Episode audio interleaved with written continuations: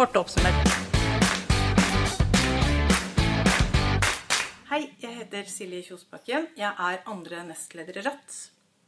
Du syns sikkert det er kjempefint å kunne reise rundt i Europa uten pass, eller eh, surfe på internett på telefonen din mens du er i sydenferie, til samme kostnad som i Norge. EØS-avtalen er veldig mye mer enn det. EØS-avtalen blir omtalt som en handelsavtale, men jeg har lyst til å komme med et eksempel som viser hvor inngripende denne såkalte handelsavtalen faktisk er i det norske samfunn.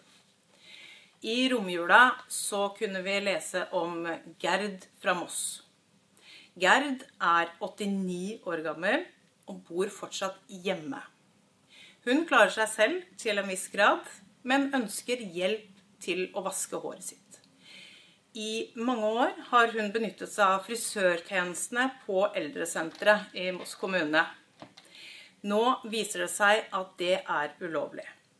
Fordi at eh, frisørsenteret på, på gamlehjemmet i Moss er subsidiert av kommunen.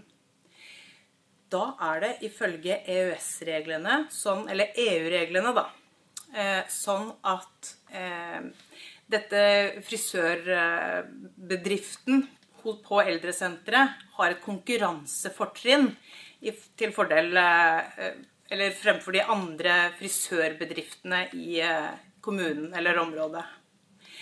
Og dette mener vi i Rødt er helt feil tankegang. En sånn markedstvang. Vi kan ikke la EØS-avtalen, altså handelsavtalen, detaljstyre livene våre i den grad at vi ikke får benytte oss av de velferdstjenestene og godene vi har betalt skatt for i alle år. I kort oppsummert så kommer vi fremover til å snakke veldig mye om eksempler som dette, som viser hvor eh, detaljstyrende EØS-avtalen faktisk er.